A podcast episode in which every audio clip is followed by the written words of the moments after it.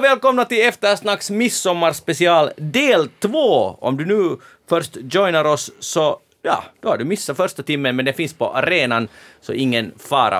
Uh, vi firar alltså midsommar här i studion. Vi har kallat in Jeanette Björkqvist som alla vet är klädd i svart och här är hon fnittrande och glad och lugn på alla sätt. Välkommen. Mycket harmonisk. Mycket harmonisk, ja. När jag hör ordet harmoni så tänker jag alltid på Jeanette. Rico Eklund är här och det, eh, vi har lärt oss att du är en man som skriver en lapp under föremål. Det är jag, absolut. Det lärde oss i del ett. Rico Eklund, och du är någonstans nu i Nago och firar midsommar. Det är jag, ute på Sandholm. Ja, vi är inte nu i direktsändning, men när detta hörs då är du där. Och Pia-Maria Lehtola, uh, välkommen med, klädd i vitt, men radikala tallriksbeslut uh, har du gjort det här midsommar. Jo, det har jag. Biedermeier. Biedermeier med grönt och lite rosa. Just det. Och jag heter Magnus Lundén, program alltså Eftersnack. Vi ska inte tala om veckan som gått, utan vi ska tala om sommaren som kommer och allt möjligt spännande. Jag har ett tema här som jag uh, måste diskutera och jag vet ni är helt rätt panel för den här saken. Jag har nämligen läst forskning igen då. Och, det där. och nu har man alltså genom ett extremt stort sampel människor uh, från hela världen kommit fram till att, att det finns en skillnad mellan män och kvinnor trots allt, och inte bara det uppenbara utan också eh, andra saker. Män är mycket mer benägna att ta stora, stora risker, men är också mycket mer benägna att vara helt, spela helt safe. Alltså männen är extremer åt båda hållen, alltså uh, extremt försiktiga eller extremt benägna att ta risker. Och det, det här gäller alla saker, alltså det gäller i allt i ens beteende. Och de säger att det här är nu fakta. Så nu tänkte jag testa på er, är det här fakta? stämmer det här faktiskt? Jeanette? Men jag skulle behöva nu tänka, försöka tänka sådär konkret att, att vad skulle det kunna vara för en situation? Och så borde man ju ta ställning alltså till att, till att hurdana beslut skulle vi här i den här studion ta till?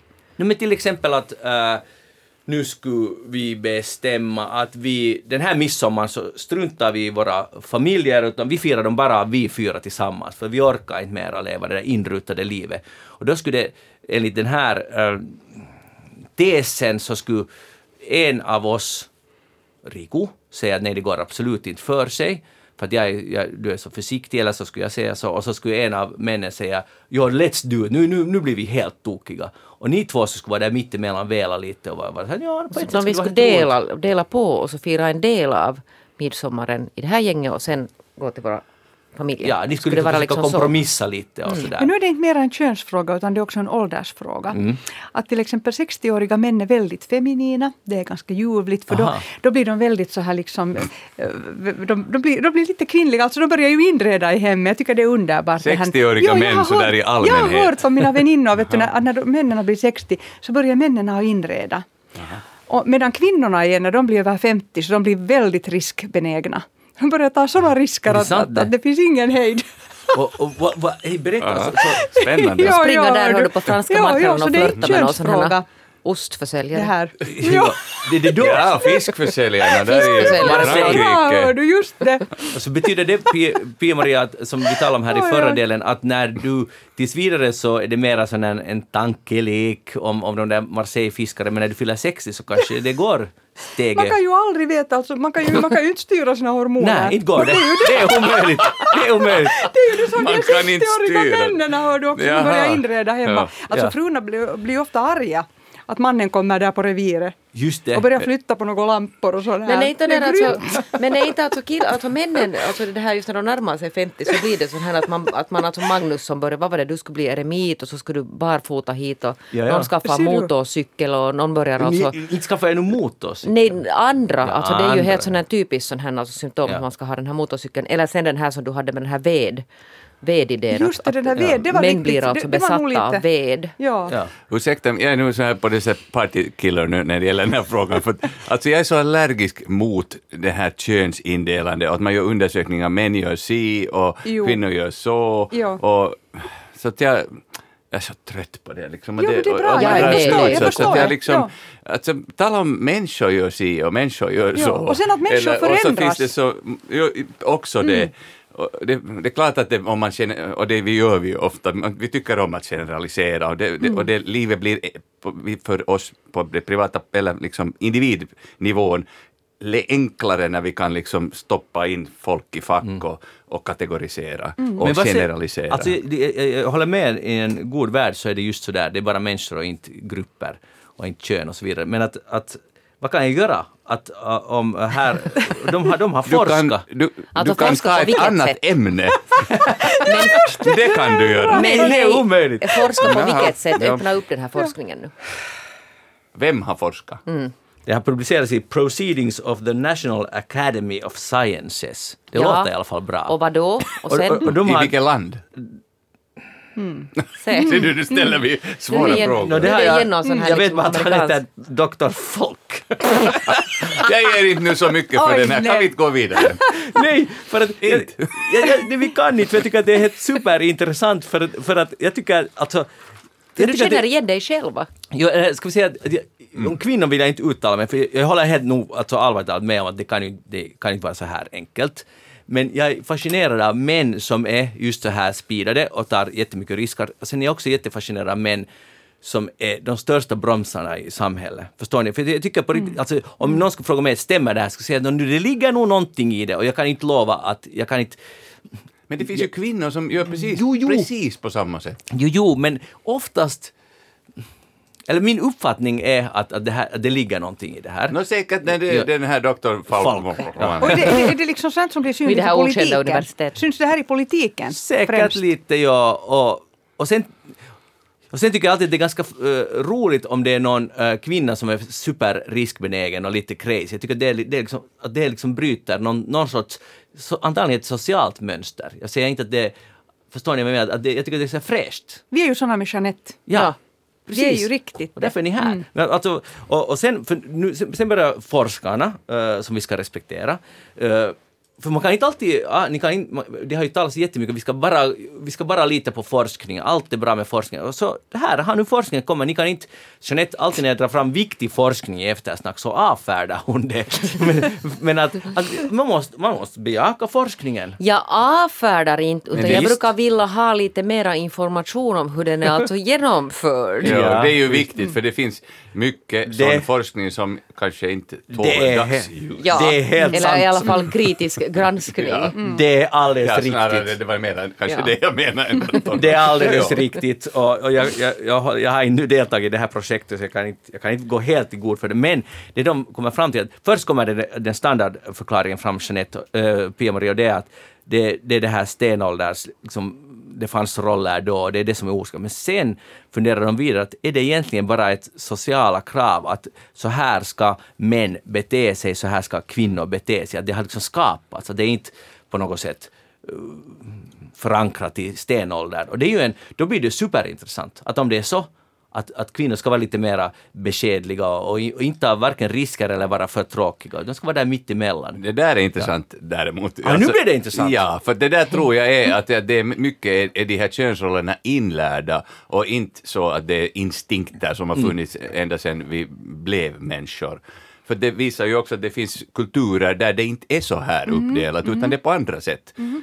Så, nåja jag äter jordgubbar tills vi har kommit till något annat ämne. men, men, det måste jag säga att inom... Lite på den saken. Men, men, inom kultur och konstfältet, där tycker jag liksom är ljuvligt, för där finns inte de här stereotypa rollerna.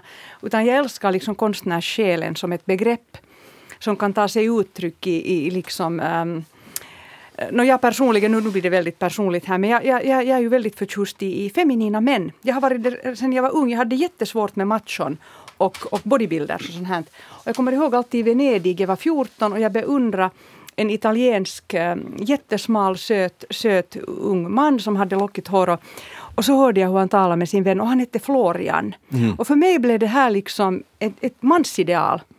Den, den, blommande mannen, Florian. Att jag, jag, jag måste säga, och det, jag är glad att, att jag själv är inom konstkretsen och få träffa kulturmänniskor, för där finns inte de här typiska men nu, alltså, könsrollerna. Min, men, alltså mm. delvis har du sant, men mm. har du rätt, mm. är det sant? Tautologi. vad heter det? Men, men inte det är ju så bra eller enkelt att inom kulturvärlden det skulle vara bara bra. Alltså det, no, till, till exempel om man talar om kön och så här, Wilhelms Wilhelm Kvist i Hufvudstadsbladet mycket bra har lyft fram inom den, framförallt då den klassiska musiken, hur skevt det är. Alltså, där är ju är männen helt dominerar, mm. både vad gäller mm. kompositörer och dirigenter. Mm. Uh, sen i orkestrarna har det ju blivit jämnare fördelning alltså bland män och kvinnor, men, men där är det ju, jag vet inte vad det är, det är sant, 90 procent män. Ja, alltså. Ja. Så att, uh, ja. Så att inom konstvärlden finns det mycket att göra mm. också. Det är sant. Men, ja. Förlåt, bara en fråga till dig, alltså, mm. när du talar om så här smala italienare och fransmän och så här. Florian! Ja, ja. känner du till Pierre Nini? Eh, kan... han, är, han är min favoritskådespelare. Ja, han, han, spelar ju Yves Saint Laurent. Ja, och så spelar han i den där Frans, har du sett den där svartvita filmen Frans? Om du inte har sett den, den ska du se, den. den är jättefin. Alltså han är underbar. Helt, alltså ja. jag, såg, jag hade, inte alls till honom och jag såg den där fam, familjen, filmen. Ta lite Retsina alltså, jag tror att det behövs nu. Filmen Frans, ja. som är då tvåspråkig, den går på tyska och, och franska. Uh, eller mest är den på tyska. Nåja, så och, så, och jag blev helt, när jag hade sett den, så var jag helt, jag var helt liksom kär i honom. Jag tänkte, oj, vem är den här? Jag, ska, jag måste ja. skriva till honom. Att det där, och sen, ja, och jag, sen, ja. ja. och sen googlade jag och då, jag liksom på något tänkte inte att han är en jättestor stjärna i Frankrike och, och, och började vara internationellt också. Så sen gav jag upp mina skriveriplaner. Men, det, det men han, är, han, är, han är jättefin. Ja, ja, han är faktiskt min favorit också. Det var intressant att du tog upp det. Men har du tänkt att, någonsin, att du skulle skriva till honom, så där som Rico tänkte? Nej, nej, nej. Det, nej, nej, det är först när du fyller 60 så då det kan hända. det kan jag har skrivit till en annan sån här lite motsvarande, en tysk, Jannik Schyman. Alltså nu sådär i vuxen ålder, så att säga. Ja, alldeles nyligen. Alltså, du, det var igår. Alltså, det kommer fram så mycket nu, nu Rico. Alltså, okej, okay, okej. Okay. Har du fått svar? Nej, men han har, alltså det är bara på, på sociala medier. Han har liksom, vet du, 300 000 följare. Så att jag förstår att om, men vet om nu Rico Eklund från Finland skriver Nej, men du borde ha skrivit ett brev, ett, ett gammaldags brev. Ja, jag kanske för där, det, det skulle man kanske ja. på något sätt liksom särskilja sig från lite, mängden. Mm. Ja, precis. Man måste lite jobba, ja. Så ja. man skrev mm. förr i världen så skrev man till Carola Häggkvist ett brev och så kom mm. det efter mm. tre månader. Ja. Någon sån här paffkort med hennes bild och sån här tryckt ja. autograf. Och då känner du dig sedd och hörd? Ja. Det skulle gå lättare kanske med Jannik Schymans, tyska kan, kan, jag ju då ändå lite uh, tala, men franska kan jag tyvärr inte alls. Så att det där Pierre, Ännu. Pierre kanske ska svårt men han talar säkert förstås engelska. Visst är, men, jo, jo, men inte kan du skriva på engelska om du vill göra lite intryck? Alltså inte kan du... Nej, nej, nej. Du, du kan skriva lite... på svenska eller finska. Det, det skulle väcka uppmärksamhet. Jo, jo, det är sant. Det kanske jag borde Höj ambitionsnivån, Rico, ge inte upp. Nej, det är mitt råd. Alltså man ska, man ska jaga sina drömmar. Mm. Och, och det där, men nu blir jag intresserad av Jeanette, uh, för nu har Pia-Maria talat här om den blommande mannen som det är lite oklart för mig vad det ingår i det men... No, det var det där som de just var inne på, den här ja, som är helt okänd för mig. Ja, samma här ja. Men, men vad alltså tilltalas du av den här tanken om den blommande mannen? Nej. Inte? Det är inte min grej. Aha. för att, att, varför? Nej, det där ser du för att det är på det här sättet att det där det ser du på det här sättet att jag är ju lite sån här, hur ska man säga att det där min kompis sa att Borgo? Ja, det är kanske inte så mycket men, men sån här liksom själv lite så här ganska bestämd och så här framfusig. Så jag behöver alltså en, jag behöver en sån här stark man som inte liksom lägger sig platt. Alltså jag går över sådana blommande, blommande män. män. Men, men, men, jag tror Jeanette att du har delvis nu fel uppfattning om de här blommande männen. De kan vara starka fast de, fast de är så att säga mm. uh, mjuka och, och, det som du talar om kvinnligt behöver ju inte vara mjuk. Nej, ja, men jag tänker alltså sådär, men, men, men jag tänker alltså kanske, alltså jag, i mitt huvud ser jag framför mig den här helt fysiska, alltså på något sätt hur det här ser ut. Blommande mannen, en liten. och det attraherar helt enkelt inte det är helt enkelt alltså inte, en smal mjuk man. Nej, det, det är så och det är väl för väl att vi har olika preferenser. Det är ju bra. Det är alla ska tävla om samma män. Allt, eller samma. Jag förstår nog lite Jeanette, för det är en sån här liten blommande räka liksom som, som man vandrar alltså, det, är, det är ju inte alls bra. Att man måste, Oj ha, nej! Ha, ha, måste ha lite, det där förstör det nu. Stamina. Lite, alltså lite mos och lite liksom eh, gnista. Men ser du, nu, har vi, ser du, nu är vi Magnus ser du, så här, så här vet du, andligt på samma här. Ja. Och, och, jag tycker att det, för jag vet alltså, men, men det, jag tycker att det är bra att alla har olika preferens. Preferens, mm. helt enkelt. Så här Vi är i två läger här. Ja. Nå, lite nog. Ja. Och, och Men jag har haft alltså, tror jag, jag har ju ett förflutet som ganska sån här, hur ska man säga, aktiv singel. Vill du berätta mer om det? Nej, det har, vi ju, det har ju följt med. Alla som har lyssnat länge vet det här. Och det där sådana blommande män så har jag nog, alltså det blir dörrmattor ganska snabbt av dem i Ja. mitt hus. Ja, Att de jag, blir jag inte behöver såna, någon som liksom... aha, de blir inte såna vandrande dikter i ditt hem Nej, det som blir bara det inte. njuter av Det där, för att jag är Oj, kanske oj. lite sådär maskulin själv till min läggning. Ser du det? Men jag är också. Jag är också. Jo, men alltså Ah, mina, du kom, är- Jag är väldigt mina kompisar maskulin. Säger en att maskulin hjärna. Men de som känner mig bra säger att jag är en sån här sur, mulen, medelålders man. Det är alltså jag, min själ. Du är nog bra på att sälja dig själv. Eller hur? Jag menar, att berätta om. Sur, eh, vad sa du nu? Jag kommer, Sur jättebra överens, jag kommer alltså jättebra överens med lite sådana sura äldre gubbar. Det är liksom mitt favorithäng. Intressant. Ja. Eh, Okej, här det blev så mycket information nu. Blev lite chockad. jag är lite, det var Tyskland och Frankrike och vet du, det är så mycket internationellt. men, men att äh, Pia-Maria, ändå de här blommande männen då, och, alltså, är det, stämmer det som Jeanette säger att de blir sen dörrmattor? Nej, inte, alltså det, alltså det beror ju på vem de träffar. Ja. Det finns ju alltså trevliga kvinnor, jag är ju inte en av dem då. Nej. Men sådana här trevliga mjuka kvinnor som kanske liksom kan hantera den här, som jag tror att är jättevärdefullt. Jag, jag förstår liksom att, att det är fina egenskaper men, men det kräver att man får en trevlig partner som förstår sig på det och inte sån här som Inte jag. blir de ju dörrmattor för de är ju som gudar. Alltså man, man hyllar ju dem och liksom man beundrar dem. Och de får ju den bästa liksom upplevelsen av, av den som iakttar. den Om det är rätt person som Men- men- iakttar. Ja. Får jag Ja. ställa en fråga bara? Har du, har du någonsin haft ett förhållande med någon sån här? För Blommande tillfället man. nog, jo. Aj, di- din man är en sån Jo, här jo, blomma? jo, Vad riktigt. härligt. Jo, Ah, jo, ja, jo. okej. Konstnärssjälen och, och så här. Aha, så, men det är ju per- okej, perfekt. Jo, jo. Jo, jo nu, ibland kan det ju vara störande också för jag, jag måste ju ibland säga att hörde, varför ska du man en känga här runt omkring att, att behöver du så där mycket uppmärksamhet? Men, men, du ger, men du ger den där uppmärksamheten då? inte alltid. Nej. Inte, inte i tork. Ibland vad heter det, har man, också vill man vara för sig själv bara och, och så här. Ah, vad, men, men skål, jag Ja, skålar du. för din trevliga match. Okej, jag visste inte ja, att det var ja. så här, Ja, man får liksom, hoppas att det var det- perfekt. ja. Ja, vad, vad roligt. Skål. Ibland, Skål ibland. det. Mm. Mm.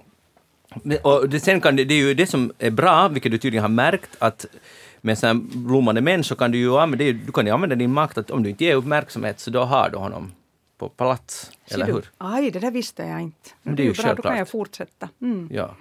Och sen, och sen, sen måste vi ha ett nytt eftersnack sommar. Sen när du är 60 och har varit i Marseille så ser vi hur det sen går. Okej! Ja. Så det här är nog riktigt en eftersnacksrelationsfråga. Är Glad midsommar bara. Ja, ja. midsommar. Att det där, ni, kan, ni kan skicka in frågor så besvarar vi dem sen i nattsnack. Ja, det finns en relationspodden. Vi tävlar nu lite Ja. med, Ja. med det där norrena och Frans. Ja, det, det blir hård konkurrens. Hej, äh, jag heter...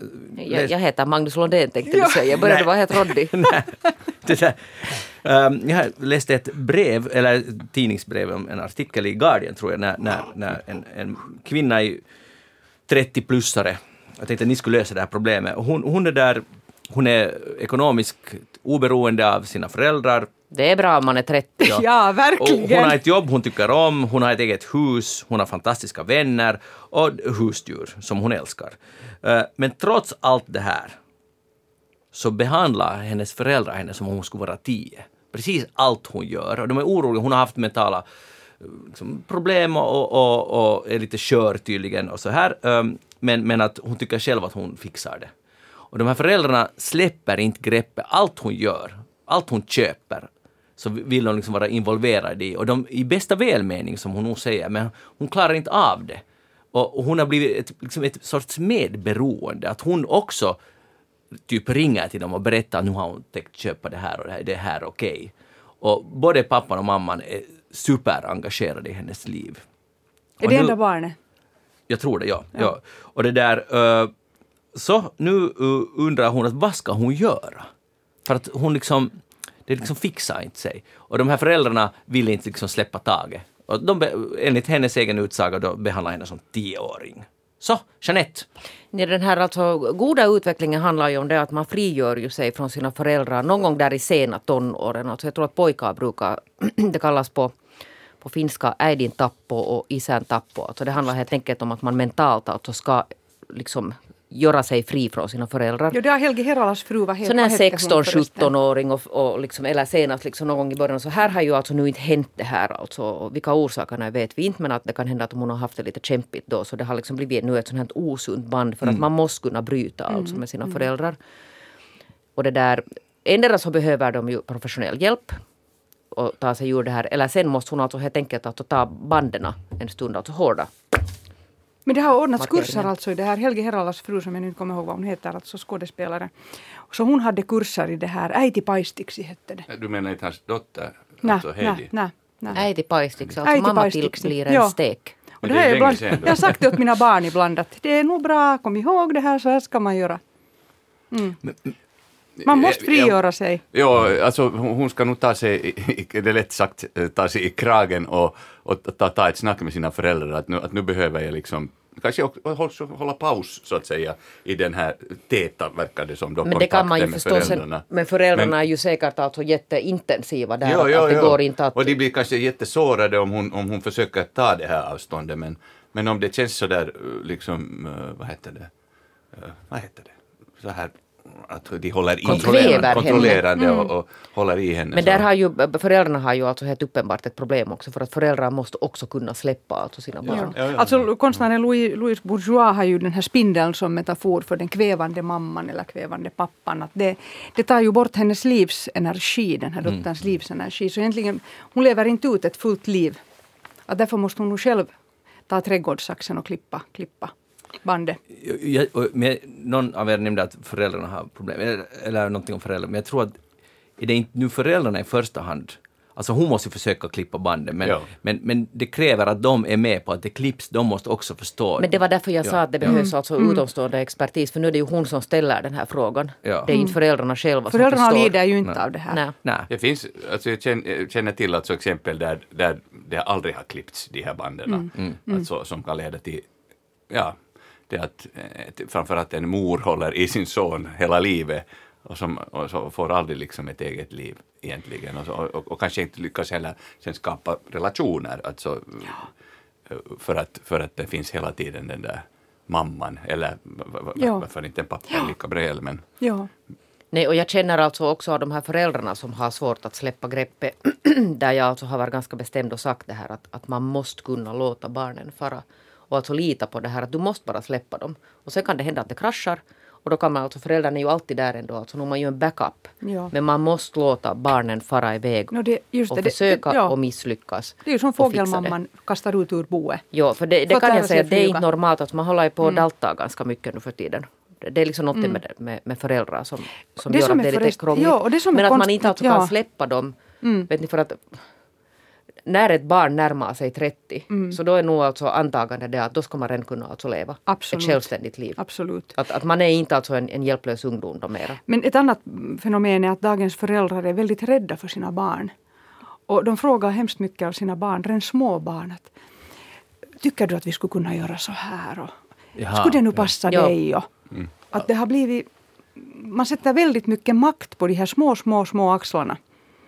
Och det leder inte alltså jag, jag till skulle säga att man är rädd för, för sina barn, man är rädd för sig själv, liksom att, att ta eget ansvar, eget initiativ, liksom att, att ta det där, leva ut den där föräldrarollen i det, som behövs i det där skedet. Att man inte litar på sig själv. Det är och då för man över ansvaret Ja. på barnen. Ja. Ja. Men, men, Ja. men Jeanette, du var inne på det, för det var det här dit jag ville, att- eller jag ville att vi skulle diskutera, för jag tror att det där är nyckeln som du sa, att i dagens värld så uh, det är så många föräldrar som, ska vi se, vi kan kalla det kurla. Och jag tror att det här problemet kommer att bli allt vanligare in, i de närmaste 15 åren. Vi, vi som eh, typ 50 och yngre, eh, så vi har fixat allt för de där barnen. Och det är hela tiden det bästa och, och alla ska ha det så bra som möjligt hela tiden och, och både materiellt och, och på alla plan man är orolig hela tiden. Och jag tror att det kommer, sådana här brev till tidningarna eller var som helst i bekantskapskretsen kommer att bli mycket vanligare. Ja, för det som för alltså att föräldrar också- kan inte ens släppa det. Nej, och sen är det där, det som alltså händer ju om man håller på och kurrar, det är alltså bra, alltså det är, ju en, det är ju en bra sak att vi har utvecklats som samhälle så mycket att man kan alltså erbjuda stabilare, alltså de som har eh, den liksom på något sätt kontexten, att man kan erbjuda tryggare och liksom bättre och mera sån här liksom närvarande föräldraskap. Det är ju alltså en bra sak. Men sen när det alltså går till det att, man, att barnen till exempel inte lär sig ta motgångar. Man, barnen måste lära sig alltså ta motgångar och barnen måste lära sig att hur man tar sig ur alltså motgångar redan när de är ganska små. Så, så det här liksom föräldraskapet där man hela tiden är på något sätt där och försöker lösa och stödja att barnen aldrig själv behöver hitta, hitta de här lösningarna. Så det leder ju sen till att när man blir vuxen så är man ju extremt alltså känslig för motgångar och det blir inte bra. Nej. För att, för att livet är fullt av, av sådana här konflikter och motgångar och saker där du behöver kunna alltså klara dig. Mm.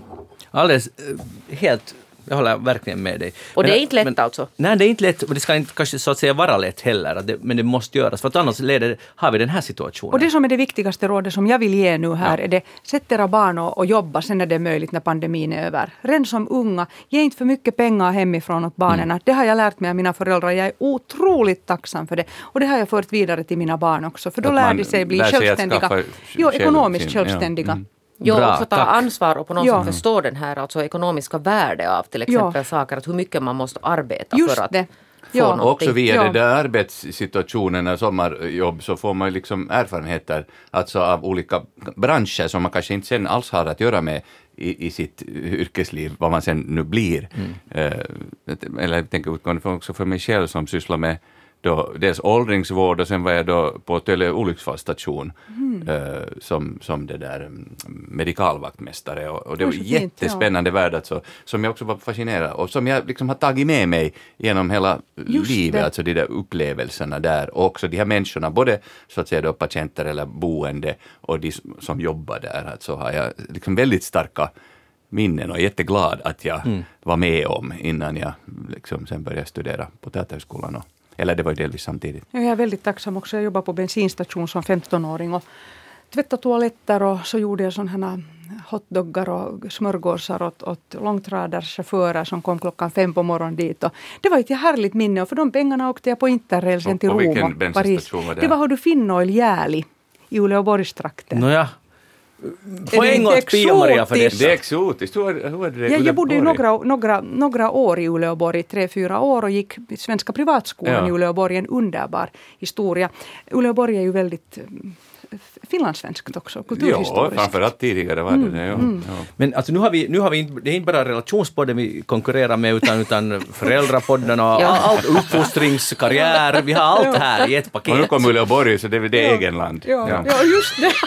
Hej, på tal om egenland och den här ja. sommaren som nu väntar oss, Egenland, det här programmet som finns på Yle, har gjort en jättefin, uh, jag måste faktiskt verkligen berömma det så här uh, vad ska vi säga, som en resebyrå. Vad ska du göra den här sommaren? Vad, mm. vad, vad har du för intressen? Och så kommer det uh, förslag som är superfint gjort. Uh, och på två språk. Och på två språk. Och det är just public service, så det är superbra att upptäcka sitt eget land. Det är fulla poäng åt egen land. Det där, hej, Riku Eklund, det där, den här sommaren, vad hade du för drömmar, planer? No, det är ju mycket, eh, handlar om, om Sandholm och skärgården och, och, men det kommer, alltså, jag har ju mitt bokprojekt som jag ska fortsätta skriva på här nu om, om greven av Sandholm och, och hur, hur jag fick det här stället där ute. Uh, den, den hoppas jag få färdig inom detta år, men, men så kommer ett litet bokprojekt på vägen, nämligen en ABC-bok som jag ska ge ut nu här under sommaren. Hoppas jag kanske den blir färdig under sommarens lopp. Och jag har inte alltså skrivit den själv, utan men jag har skrivit så att säga en inledning och tagit initiativet att ge ut den. Det är alltså en ABC-bok som är målad och skriven av Dorit Björkenheim, Musse Dodi som hon kallades, alltså som var min mormors syster som hade studerat på Ateneum också, delvis i Stockholm eh, konst, men hon jobbade en liten tid i, i det bransch som hon hade fått utbildning för, alltså hon kallar sig illustrator och eh, ritar karkipapper på på det där fatsen. Oj, vilka är hennes? No, jag, det där är intressant. Vi får återkomma ja, till det. Ja. Ja. Eh, men sen jobbade hon, eller höll, hennes stora passion var sen den gård i Tenala som hon hade fått i arv, Frankböle. Och, och det, det, var liksom hennes liv. Men, men min mamma, som var hennes guddotter, Eh, hade fyllt två så fick hon en ABC-bok, en unik ABC-bok som bara finns i ett enda exemplar, fick min mamma då. Och när jag fyllde kanske 35 tror jag det var, så fick jag den där boken av mamma, för hon tänkte att, att vet du, du har inte barn så den, går sönder om någon, eh, någon som har barn får den. Eh, och nu slog det mig plötsligt att, att jag var alltså den här Dodis syskonbarnbarn. Och nu har jag själv sju syskonbarnbarn ren. Och de börjar närma sig liksom skolåldern, ABC-åldern. Jag tänkte vad skulle vara bättre än att ge ut den där, den finns bara i det där exemplaret. Och samtidigt jag började tänka på det, men den här är ju så fin att den, den, den förtjänar en större spridning än bara mina syskonbarnbarn. Så nu blir det en bok som också kommer att finnas till salu och, och jag skriv, har skrivit liksom en liten artikel eller inledning till den här boken om den här Dodis liv. Hon eh, var född 1914 och dog 2012, så hon blev väldigt gammal, 98 mm. år. Och, och uh, har starka minnen av henne. Um, till exempel det sista besöket som var verkligt rörande på många sätt var, då var hon på Mjölbosta sjukhus och jag gick från med min sambo Anton dit som hade, tror jag, bara träffat henne en enda gång. Och så kommer vi då till sjukhuset och så säger det sköterskan att man får ingen kontakt med henne mer, att, att hon bara stirrar. Att det, så här. Nåja, men snittet att vi går nu ändå, att jag vill ändå liksom krama henne en sista gång och sådär. Och så satt vi oss ner där och sen tänkte jag att jag pratar nu på att eh, kanske hon nu, fast man inte såg alltså någonting, ingen reaktion. Hon bara stirrade rakt och, och kroppen var helt sådär eh, orörlig. Och så berättade jag nu där som om att kanske hon uppfattar någonting. Och sen eh, så till slut efter kanske 10-15 minuter så sa jag att no, hej då Dodi och så, och så kramade jag henne då som jag tänkte att det är sista gången. Och medan jag kramade henne så plötsligt långsamt, långsamt började hennes armar stiga upp och jag tänkte, är det, någon, är det någon reflex det här eller vad är det? Och sen jätte, jättelångsamt, småningom går de runt mig. Boy. Och jag tänker, är det, är det en kram det här? Och så och så kramar hon mig. Och sen tar jag mig loss ur den där kramen och säger Dori, du hör mig att, att, att jag är här. Att, att, eh, och, och, och så går de lika långsamt tillbaka, de där armarna. Och sen flyttar sig den där stirrande blicken en millimeters lite och zoomar in mig och jag ser att hon, nu ser hon mig. Mm. Och jag blir helt att Dori, det är Riku här, du ser mig, jag ser att du ser mig. Och så mini, mini, mini, mini småleende mm. så mycket att det lite ryckte till i hennes ansikte. Mm. Och så sa jag att nu kan vi nu gå, att nu fick jag kontakt med henne, att nu måste vi sitta. Och så satt vi typ en halvtimme till och ingenting eh, sen efter det liksom hände. Och så kramade jag henne då på nytt när vi sen gick och sen vid dörren när jag vänder mig om så då stiger den ena armen långsamt, långsamt upp Oj. till en sista vink. Och så gick vi ut och jag stört grät mm. och Anton som bara knappt hade träffat henne grät. Och, och så dog hon ungefär en dryg vecka senare. Mm. Och den här sista vinken som hon gav, den använde sen Anton i sin nästa koreografi för truppgymnaster. Så hon var död, men hennes vinkning mm. levde vidare. Herregud, det där är så. Och den här beskrivningen mm. finns med också i den här ABC, ab, ah, kom, kommande med ABC-boken. I ett förord eller? I förordet, ja. Så, och, ja. så finns där, eh, jag vet inte, har jag tid att berätta en annan historia från det Nej, det har jag inte. Mm, ja. Nej. Men jag återkommer i kanske nästa eftersnack om en annan historia om henne och hennes mm. systrar. Men det här som du berättade om, om när ni var där och hälsade på, ja. så det bevisar ju det som vi talade här tidigare om uh, behovet av, uh, liksom, att, av kramare eller av närhet. Jo, mm. Extremt och, och just, viktigt. De, mm. de personerna säger att man får ingen kontakt. Ja. Mm. Och, och, jag tror att den här personen var helt bra, jo, jo, tror jag det var. Jo, men, men där ser man hur viktigt, också då, när jag talar om det här mitt, mitt sommarjobb på, på liksom långvården, att man, man måste behandla människor ända till slut som människor. Mm. Man vet inte eh, vad de uppfattar. Mm. De kan, precis som hon, helt tydligt uppfatta vem jag var och att jag var där. Och, och kanske hon förstod allt vad jag sa. Alltså, men, men hon kunde, gjorde hon alltså. Ja, men hon kunde ja. inte mera uttrycka någonting. Så att det, det, är så viktigt, alltså att om man, jag tänker på en själv också, om man hamnar i den situationen, att, att, att man blir bemött som en, fortfarande som en människa tills man sen sista gången mm. suckar. Sin, och, och en människa känner ju av alltid om någonting är äkta. Och du var äkta, och det mm. kände hon av. Hur, hur är det den här boken, så blir det alltså en tryckt bok? Det blir en tryckt bok, ja. Okej, okay. ja. Och, och, den är alltså för sådana som ska lära sig läsa? Läsa, så. men det blir ju sådär som när det gäller mina böcker, som är nu då snart två till antalet, uh, så är det alltså kulturhistoria. Så att, jag menar, det är ju inte en vanlig ABC-bok. Uh, dels är den gjord 1935 och den har alltså aldrig kommit ut. Så nu kommer den då nästan 90 år senare ut då i tryckt form den hette då Gunvors lilla ABC, alltså min mamma hette Gunvor eller Gulla. Alltså det där är helt fantastiskt. Mm. Alltså det är helt underbart. Ja, så det här ska jag hålla på med delvis i sommar också. Faktiskt fint. Och, och, och det betyder att det, det, är inte bara de där lapparna som du gör, utan du för också konkret Ja. Uh, eller skapa nytt. Jag, jag, jag, jag, respekterar det, jag tycker faktiskt det är en bra grej. Tack. Ska vi det där... Uh, ska vi ta en skål? En skål för det här. Skål! En skål för Musse Dodi. Ja, skål. glad midsommar till alla där ute. Skål! Och alla andra mostrar och fastrar. Och, och sen när man lyssnar på, på Rikos berättelse så jag tror att lyssnarna och, och vi här kom ihåg själva sådana här situationer när man har varit och tagit avsked och Jag har någon gång sjungit salmer åt min till exempel farfar som, som dog och min mormor. Och det är viktiga stunder, så tack för att du berättade. Mm. Det aktiverar också de egna minnena. Mm. Hur är det med Jeanette? Hur ser din sommar ut? Alltså vet du vad, jag vet att det här är jättetråkigt men jag måste också säga det här för att, för att jag faktiskt jobbar nu hårt för att det där hålla två veckors semester. Ja. Har jag nu sagt. Jag har alltså, jag gick i misstag gick det så att jag gick också och blev med ett nytt bokprojekt här på slutet av våren. Alltså ett kontrakt. Det, det var helt i misstag? Sådant som bara händer? Nej men när det vet du kom nu sen igen då och, och det där och jag har liksom Jag har nu alltså varit frilans sen 2016 var mitt första år.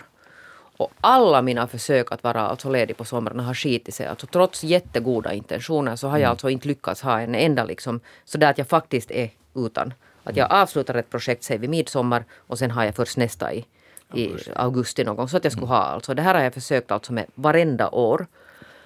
Och det där, nu, nu var jag igen sådär när det kom det här bokprojektet så tänkte jag att ah, att egentligen så borde jag jobba med det på sommaren. Men jag har nu bestämt mig för att jag ska faktiskt alltså det där lägga allting åt sidan för två veckor för jag har blivit helt odräglig. Alltså jag går inte att ha, du vet Magnus, du ser mig här. Jo, jo visst. visst har sett mig här längs med våren att det är inte bra mera. Nej. Alltså jag sover inte och jag går på övervarv och det är liksom, det är jättedåligt så nu ska jag alltså faktiskt försöka ha ledigt. Och sen tänker jag att jag är säkert inte den enda som det går lite hårt för för att för att också sådana människor som har jobbat på distans, alltså när man jobbar på distans så tappar man ganska snabbt alltså uppfattningen av det här. För du är ju egentligen hela tiden lite sådär på jobb. Mm. Att nå, det var lite efter arbetstid, jag kan nu checka liksom mina e-poster och sånt. Och sen liksom börjar den här på något sätt gränsen mellan fritid och arbete. Och så lever jag ju, alltså det är ju hela mitt liv det här att jag lever. Jättemånga lever så. Jo. Jag också. Mm. Och det där, och det, det på något sätt skulle jag nu rekommendera att alla försöker alltså helt på riktigt liksom stänga av. Att man behöver inte till exempel som jag är helt alltså beroende av min e-post. Jag är liksom inne på min e-post till exempel hela tiden. Och sociala medier. Men framförallt den här e-posten att om det skulle ha hänt något jätteviktigt. Mm. Så det här ska jag nu försöka. Alltså det du ska göra är att inte göra något? Ja, och det är, det är jättesvårt. Ja, alltså det är extremt svårt va, va, Har ni, Rico och Pia-Marie, några goda råd? Jo men jag vet redan, så vi började lite fälla träd förra okay. sommaren. Det, det gick inte många sekunder. Nej, men fälla träd förstår du. För att det här med att fälla träd var ju jättekiva. För att det är ju liksom något helt annat än att sitta på maskinen. Ja. Så vi har en massa träd som vi ska fälla. Det är jätteroligt att fälla träd. Så du ska de facto göra någonting? Jo men det är ju en annan sak att göra vet du sån här mm, Fysiskt, liksom, ja. mm. Inte sitta liksom, vet du, med näsan fast i den här skärmen hela tiden. Ja. Alltså. Jag är så men, trött på, på den här skärmen och mig själv. Och sen dessutom, mm. jag kan ännu se det här att, att, när man tittar hur många timmar man har varit skärmtid kan man ju kolla här. Det, det ska man inte göra. Jo, jag kollar nog så vad heter så, så sen tänker jag också hur jag har mina ritualer, att jag går in på Instagram och tittar alltid på de där ljuvliga franska inredningssidorna. Och vad får jag ut av det? Jo, jag blir ju lycklig och glad och så här, men det blir ju som en cirkelkomposition. Det är ju någonting som upprepas och upprepas och upprepas. Och det är ju hjärnan som blir beroende av det här. Men mm. vad är sen liksom vad är det där målet, vad är den där belöningen? Men nu får du ett väl, välbehag och ett välmående av att mycket, se det. Lite för mycket Jaha, välbehag. Okay. Men sen får man det där... Jag bara försöker vara positiv. No, jo, men, men att det rinner alltså det där... En halvtimme men du vet när det sen går... Men en halvtimme är ju liksom ingenting. Mm. Men alltså på något sätt sådär, jag menar man har ju sån här skärmtid åt barn. Mm. Så man borde ju sätta alltså skärmtid åt vuxna också. Mm. Jo, det är, jag tror att det är många vuxna som har insett att de behöver så här Ja men jag gick ju alltså här i våras så gick jag och utlyste, jag fick någon sån här liksom anfall mot mitt barn. Jag var så att nu räcker det här med att du sitter mm. med de här skärmarna. Mm. Och så införde jag någon sån här jättestränga regler att ingen får sitta alltså med skärmen efter klockan fem i det här huset. Det var helt så att jag går alltid sån här... Äh. Mm. Ja. Och oj vad det höll några dagar. Och det första som bröt det var det du Nej, faktum, alltså, det faktiskt tror jag faktiskt att det var, no, jag kanske jag själv, mm. men det där också min man är ju, han är ju inte alls bra på det här heller. Mm. Och så sitter man liksom båda vuxna liksom med näsan i skärmen och skriker åt barnet gå ut, du måste röra på dig. det är jättetrovärdigt. Så det går alltså nej, inte. Nej, det går ju inte. Det, men, men tror ni vi kommer att komma ifrån det här? För, kommer ni ihåg de här textmeddelandena var en fantastisk sak? Jag alltså, tycker alltså, ännu att det är ganska fantastiskt. Ja. Det var ju alldeles, man blir ju som en ny människa vet du, när man läste det och blev till sig och så här.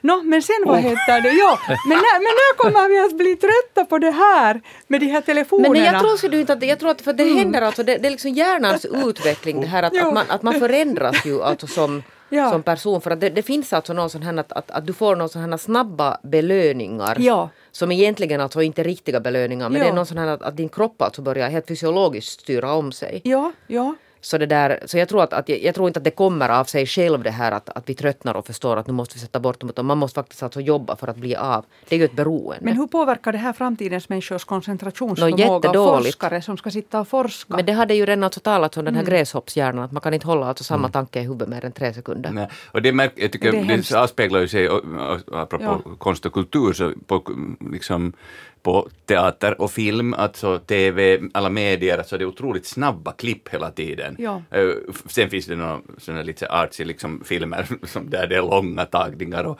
en så här, men, men det, här, det här normala är jättesnabbt alltså tempo, jättekorta. Om man tittar på någon, om man går på Yle, eh, vad heter det, arkivet och tittar på något program som är gjort för säg 20 år sedan, eller ännu äldre framförallt, men redan för 20 år sedan, Alltså det, det, är så långsamt. Det är helt alltså, overkligt. Alltså. Takten har, så vi har liksom blivit vana nu vid en otroligt mycket snabbare tempo. Och, och, och, och det här bildflödet som mm. vi har är så stort. Mm. Så, så det, det, är en jättestor förändring. Men det där är jätteintressant för att jag, jag hittade alltså helt av en händelse så hittade jag att det första jag har gjort, alltså sån här TV-jobbet på Sossokomma, alltså 1995 så var vi med min kompis Karita Lehikonen och intervjuade Monica Fagerholm. Hon hade just då blivit, alltså börjat stiga med den här underbara kvinnor vid vatten. Och jag tittade på den här, det fanns alltså ett, ett, ett, liksom tio minuter ungefär av den här intervjun som vi då hade liksom bildat. Och herregud det gick långsamt. Hon hade tid, hon pratade, hon berättade. Och liksom det, var, det var helt liksom på något sätt för jag var så att herregud vad det här känns långsamt. Mm. Att det har bara gått sex minuter. För nu har jag, sen hade jag ju ingenting riktigt med TV att göra innan nu liksom helt här liksom för de senaste fyra, fem åren. Ja. Där det är helt annat tempo. Men så satte jag ut den här på Facebook den här och människor var så att gud vad underbart. Alltså liksom en sån här Lugne. intervju där hon liksom allting går, det går jättelångsamt. Hon får tid att tala, hon talar liksom, hon går på djupet av, mm. av saker. Som är, är alltså på något sätt jätteskönt. För att det ja. kan vara lite jobbigt det här med sån här klipp mm. grejer att det liksom ska byta just sådär. Det, det är liksom det, det är fem sekunder bild, uh vad länge. Men det är nordisk och amerikansk sak. För till exempel i Frankrike när jag tittar där på de här härliga diskussionsprogrammen i TV. Där är sån här, de sitter på ett bibliotek i en och en halv timme och där är ljuvliga herrar i tweedkostym och, och, och kvinnor. Men alltså med, är det TV då? Ja, det är TV. De, mhm. sitter, de kan sitta en och en halv timme och bara filosofera och diskutera ja. och känslorna kommer upp och, och, att det finns kvar i, i Old Europe, i Europa finns det. No, alltså men vi har ju det, mera. Alltså så strömmande program finns det ju, till exempel nu Svenskis teaterns alltså de här scenmåndagarna, mm. de har ju mm. varit sådana, det har varit nästan alla mot en och, mellan en och, eller nästan en och en halv timme långa och där verkligen det har liksom gått på, på djupet och liksom man har diskuterat i lugn och ro ja. äh, väldigt väl lett av, av Alma Pöysti, hälsning till henne, för, tack för det. Ehm, så att nu finns det ju också i, mm. i Finland exempel på sånt här och det är ju förstås inte enda. enda. Men, Men, kanske när det gäller just TV, alltså så att säga färdiga ja. program, så ja. inte sånt här strömmat, så, så där, där är det nog väldigt sällsynt idag med, med långa mm. diskussioner om, mm. om, om ett ämne. Ja. Men, men ja. uh, det där som ni nämnde, så det är ju, uh, jag tycker att det skulle vara värd mer analys för att om alltså populära filmer för 30-40 år sedan, som alla tyckte, helt klassiker, mm. ni, som ni sa, när man nu tittar på dem, de är så ofattbart långsamma. Och ibland kan de ju vara bra, men ibland blir det bara liksom too much man orkar inte. Så, så det betyder ju att någonting har hänt, att om alla orkar förut med dem, mm. nu orkar jättefå, bara riktigt freaks. Så, och det har gått på en, en och en halv generation, så det är helt förändrat. Alltså det här hur länge vi kan vara uppmärksamma på någonting. Men det är förstås en pågående utveckling hela tiden. Ja. Alltså på, eh, I början av 1900-talet, alltså för över hundra år sedan har man klagat över att saker går så fort. Jo, jo. Alltså, mm. så det, men det är förstås den här liksom den här cykeln, hur snabbt det accelererar, mm. den har blivit mycket mm. snabbare alltså, Man, ja. och kortare det där Jo, när, när tåget kom man så var, det också att, att tåget ja. nu kommer allt att gå, att man, man, människan klarar inte av att åka nej, nej, så snabbt, ja. 30 kilometer i timmen. För, för, för, för, för ett människa att åka så där fort. Ja. Men det är samma som man håller på alltså, det skulle vara sådana videoklipp på sociala medier, tycker nu alla att det är liksom det senaste det ska vara. Och det ska vara jättekort. Ja. Att över 30 sekunder så är det sådär att vitsi vad långt. Ingen tittar liksom på mer än 30 sekunders klipp.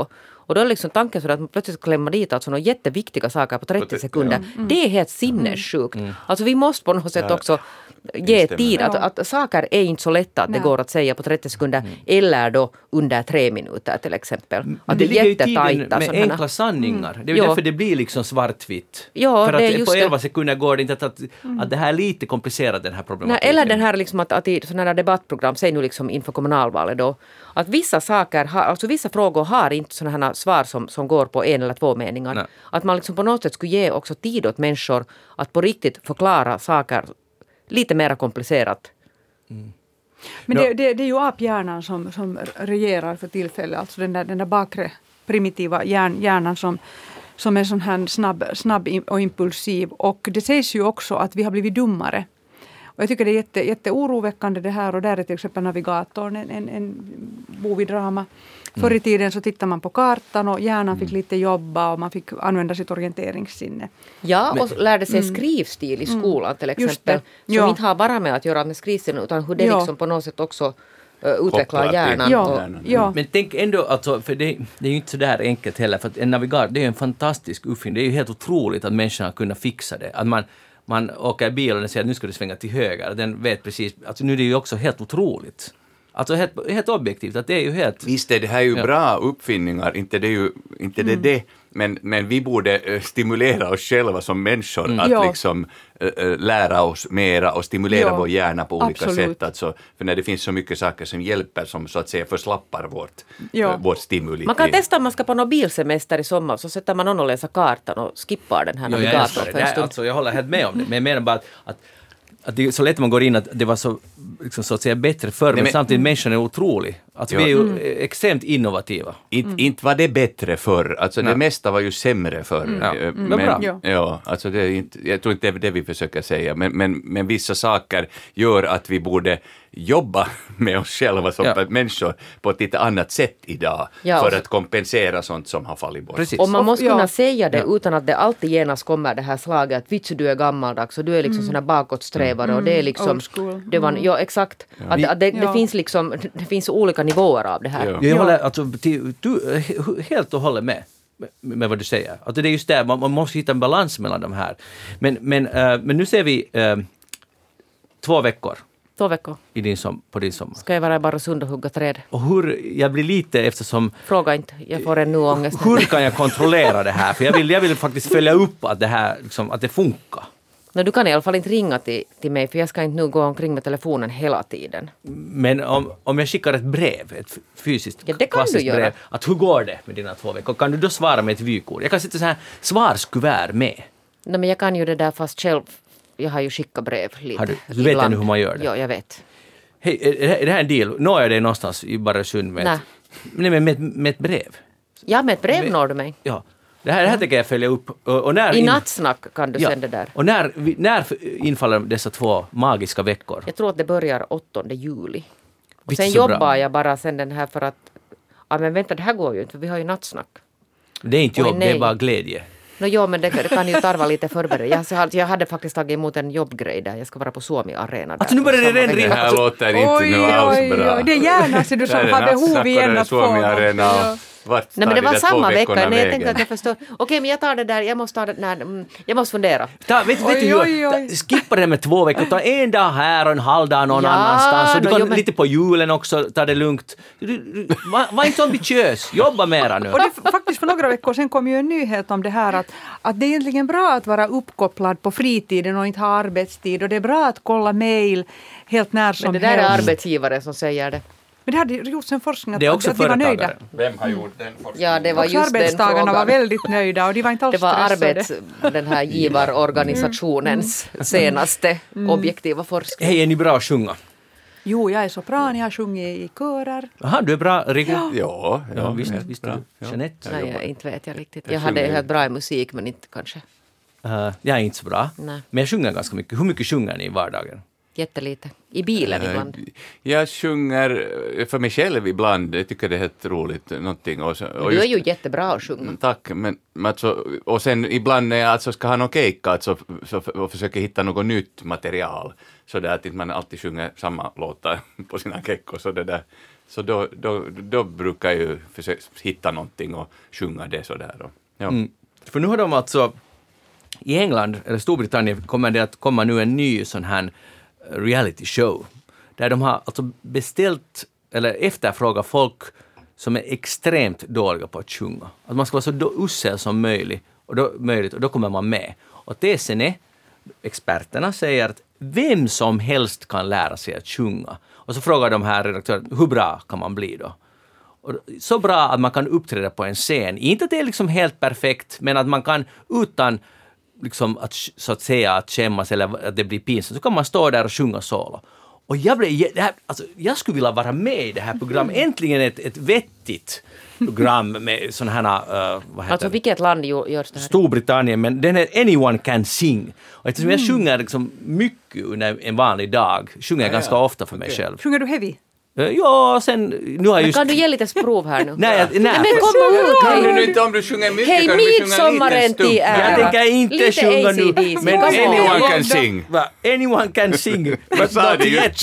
ja, ja, men, But not yet. Ah, okay. ja, uh, men hej, bjud nu lite på dig själv, Magnus Lundén. Tror ni på... Jag tänker inte sjunga här, för jag sjunger själv, hemma, ja. för Titta, mig han börjar lite, det börjar komma lite så att han nästan tänkte börja sjunga sin. Ja, ja. Jag sjunger helt själv, för mig själv.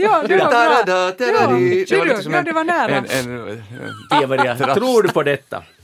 Jo, jag vill ju tro på sånt här. Jag är ju en sån här som tror på, på, på det positiva och, och det här att, att inte vet jag om det finns ett sånt här dåligt gehör egentligen. Att är det medfött att man inte hör harmonier och sånt. Mm. Att det är bara man ska tro på sig själv och älska sig själv. Så nu kommer den där rösten också därifrån sen. Men, men det, för mm. vi, vi, har ju alla sådana, nu inom citationstecken, traumatiska minnen från mm. skolan. Och, och där var det alltså, för, då för länge sedan var det så att man hamnade i sjunga uh, ensam framför klassen. Mm. Och så fick man ett vitsord. Jag måste sjunga Blinka lilla stjärna. Och då fick jag en femma och Oj, hon ja. sa att hon skulle ha gett en fyra, men jag hade sagt för att jag är lite hes för att liksom... Men vad hemskt! Och så sa hon att, alltså, att no, inte ska man ju bli underkänd för att man är hes, och så fick jag en femma. och jag alltså, menar vad, anyone can sing! Det är ju och, hemskt! Och, och, och, det där, och jag, jag, jag tycker faktiskt om att sjunga, jag tycker det är ganska roligt. Men då måste du just ja. haka på, om du tycker eh, om att sjunga, ja. då ska du ju sjunga. Ja. Inte kanske bara för dig själv, utan också lite för flera. I radion. Ja. Tänk om man skulle, alltså det där är ju ganska coolt. Alltså nu när jag tänker efter, att man skulle att om de lovar att du blir så bra att du kan uppträda med att sjunga, det skulle vara lite överraskande vändning på min Men karriär. Men vet du vad Magnus, du behöver ju inte gå liksom med ett program, du kan ju helt enkelt alltså ta vet du, kurser. Det, ja, ja, det just, jag, jag skulle ännu säga, du sa att alla hade traumatiska upplevelser. För mig var det ju inte traumatiskt. Nej, nej. Jag tyckte det var roligt att sjunga. Precis som man inte ska säga heller, vilket jag då har upplevt, att det var för alla traumatiskt eh, menar... Eh, med idrotts... Alltså vad hette det när man hade gympatimmar, alltså, om man blev utvald och jag var näst Där sist. i bobollen. Ja, när man stod jag menar att alla har något som är lite situationstecken traumatiskt. Det handlar inte bara om sång. Bra, utmärkt. Hej, vet ni vad, vårt midsommarprogram var, var slut, men jag måste säga en sak, vi kommer att ha nattsnack den fredagen den 16 juli, om, om det nu är en fredag, men i alla fall mitt i juli, och då börjar vi igen klockan 22.10 tror jag, och vi kommer att hålla på i fyra timmar, och det ser vi verkligen fram emot. Uh, och vi tackar för att ni har hängt med oss och ni har gett feedback. Och ni får gärna gå in på facebook.com eftersnack och tycka till och, och ha åsikter. Pia-Maria Lehtola, tack för att du var med idag. Glad midsommar och vi väntar på de där när hormonerna fritt får börja pulsera och Marseille kommer inte bara se likt efter det. Rico Eklund, tack för att du var med och tack. lycka till på bryggan. Jeanette Björkqvist, uh, Mm, vi ja. hörs per brev. Ja. och det där, jag heter Magnus Lundén och vi ska Glad midsommar alla! Glad midsommar, skål i Retsina, mm. ha det riktigt, riktigt Glad skönt. Midsommar. Och jag vill ge sista ordet till Rico Eklund som ska presentera snabbt den sista låten vi går ut med idag. Den heter lämpligen just du sa skål, en skål till livet, Lechaim ur musikalen Spelma på taket som gick på Svenska Teatern här i solistrollerna i den versionen vi nu hör, hör vi Fred Degendank och Bo Andersson. Skål för midsommar! Skål för midsommar! Hej då! För vår överenskommelse, för vår framgång för hälsa och lycka. Och viktigast av allt, en skål, en skål till livet. Till livet, där har en skål. Till broderns fader jag dricker nu. Skål för min nästa fru. Drick Lahaim, en skål, en skål till livet. Till livet. Ricklaheim med skål! Livet har mycket att bjuda på, allt kan du inte få. Ricklaheim med skål! Människan ska vara nöjd och tacksam i sitt armod, så har Gud befallt. Skäl att vara nöjd och tacksam har den som är lycklig nog att äga allt. En skål, en skål till livet! För Chitel, min dotter, min bror Hon ska bli lycklig, det lovar jag Och mätt varenda dag Ricklahajen En skål! Raggmorgon! Jag bjuder laget runt Vad är det som ska firas? Jag ska ta mig en hustru Vem då? Seidel! Tevjes äldsta Seidel! Vasenå! Längst på Tar Tevje! För Seidel, min dotter, Min bror! och må